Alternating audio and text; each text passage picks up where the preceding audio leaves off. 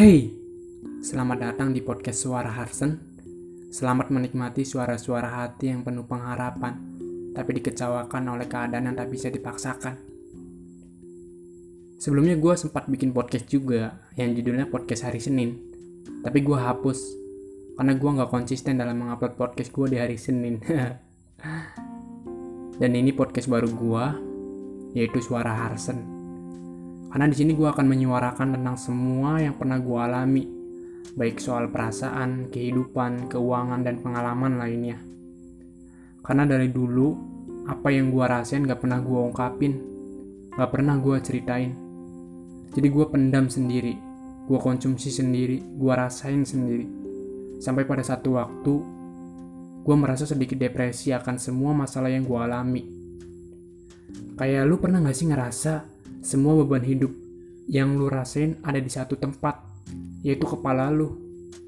Jadi lu nggak bisa ngelakuin apa pun, lu nggak bisa berpikir positif, lu ngerasa frustasi, dan lain sebagainya. Lu mau cerita ke orang lain juga takut, lu mau cerita ke sahabat lu takut, bahkan lu mau cerita ke keluarga lu sendiri, lu takut gitu. Dan ini gue alami. Kejadiannya tepat sewaktu gue SMA. Entah karena gue orangnya pemalu, minderan, atau emang gue orangnya takut untuk menyuarakan isi hati gue. Sehingga gue lebih nyaman diam, walaupun itu membuat gue sakit, sedih, dan lain sebagainya. Bisa dikatakan, waktu gue SMA, gue orangnya pendiam banget, pemalu banget. Sampai ketika gue bicara di depan kelas juga, gue kayak orang gagap. Padahal apa yang mau gue omongin udah ada di pikiran gue. Akhirnya singkat cerita, pada satu waktu, gue evaluasi diri gue, gue introspeksi diri gue. Sampai pada satu titik juga, gue memutuskan harus berdamai sama keadaan diri gue. Perlahan gue coba, sedikit demi sedikit gue percaya diri sama kemampuan gue. Gue berusaha menghargai diri gue, hingga pada akhirnya, gue bisa berdamai dari masalah hidup yang gue alami gue udah mulai berani cerita ke teman dekat tentang permasalahan hidup gue. Gue udah sedikit berani mengungkapkan pendapat gue ketika di kelas, dan lain sebagainya. Eh, ketika permasalahan satu di hidup gue bisa gue selesaikan, ternyata timbul masalah baru lagi yang lebih pelik. Yaitu gue jatuh cinta sama teman kelas gue. Mungkin bagi sebagian orang, jatuh cinta adalah hal menyenangkan. Tapi bagi gue, Jatuh cinta adalah awal dari masalah-masalah baru yang lebih banyak lagi. Dan ternyata benar. Gue jatuh cinta dengan salah satu teman perempuan di kelas gue. Dan di satu sisi juga, ternyata sahabat gue juga suka dengan orang yang sama. Begini ceritanya. Kejadian ini gue alami di kelas 11, sewaktu gue SMA. Gue suka sama salah satu perempuan di kelas gue yang berinisial S. Awalnya gue biasa aja, tapi entah kenapa, semakin hari perasaan gue selalu senang ketika melihat dia, ngobrol dengan dia, dekat dengan dia. Dan pada saat itu, gue belum paham makna jatuh cinta. Karena gue juga selama ini belum pernah pacaran atau menjalin hubungan. Berjalannya waktu, gue nikmati tuh perasaan suka itu. Tapi kok gue ngerasa perasaan suka ini perlahan-lahan semakin tumbuh gitu. Yang awalnya cuma ngobrol biasa di kelas, Gue mencoba untuk ngechat dia, nanya-nanya tugas, bercanda-bercanda sedikit, sampai pada fase gue ngerasa nyaman sama si S ini. Tapi gue gak berani bilang bahwa gue suka dan nyaman sama dia. Karena sifat gue yang pemalu dan pendiam yang menjadikan gue gak berani bilang. Udah tuh, gue sama si S ini berteman seperti biasanya. Walaupun gue memendam perasaan sama dia. Sampai pada tahap gue ngerasa pede bahwa dia juga suka sama gue tapi gue nggak tahu perasaan dia seperti apa. Kenapa gue merasa pede? Karena dia selalu merespon gue selalu chatan sama gue sampai malam. Asik diajak ngobrol dan lain sebagainya. Lagi enak-enaknya pertemanan gue sama si S. Tiba-tiba sahabat gue waktu itu yang sering main futsal bareng nongkrong bareng dan main bareng sama gue bilang ke gue bahwa dia juga suka sama si S ini. Damn man. Dari situ perkataan gue benar. Bahwa jatuh cinta adalah awal dari masalah-masalah baru yang lebih banyak lagi.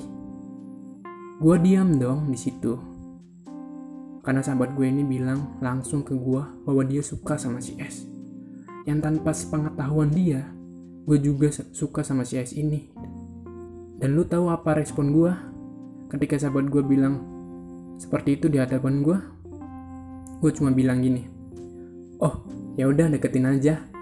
Lagian dia juga nggak ada yang punya kok. Anjir men, di situ gue ngerasa bego banget. Di situ gue nggak berani bilang bahwa gue juga suka sama si S. Gue udah ngebohongin perasaan gue sendiri.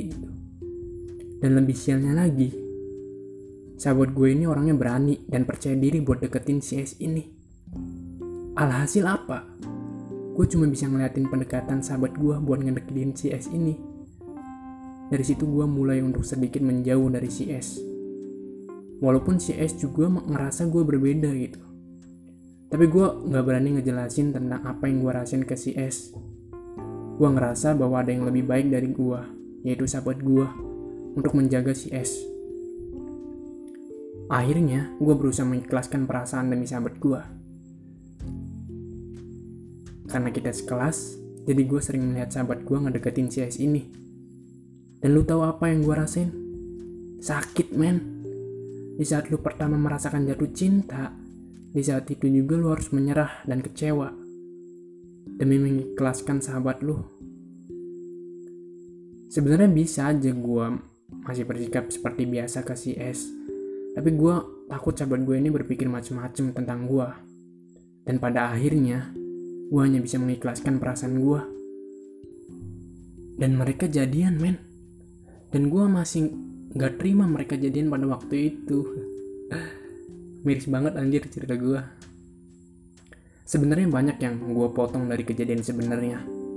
Tapi yang gue ceritain adalah inti dari kejadian sakit hati gue waktu itu. Dan cerita ini masih panjang dan akan gue lanjutin ceritanya di episode selanjutnya.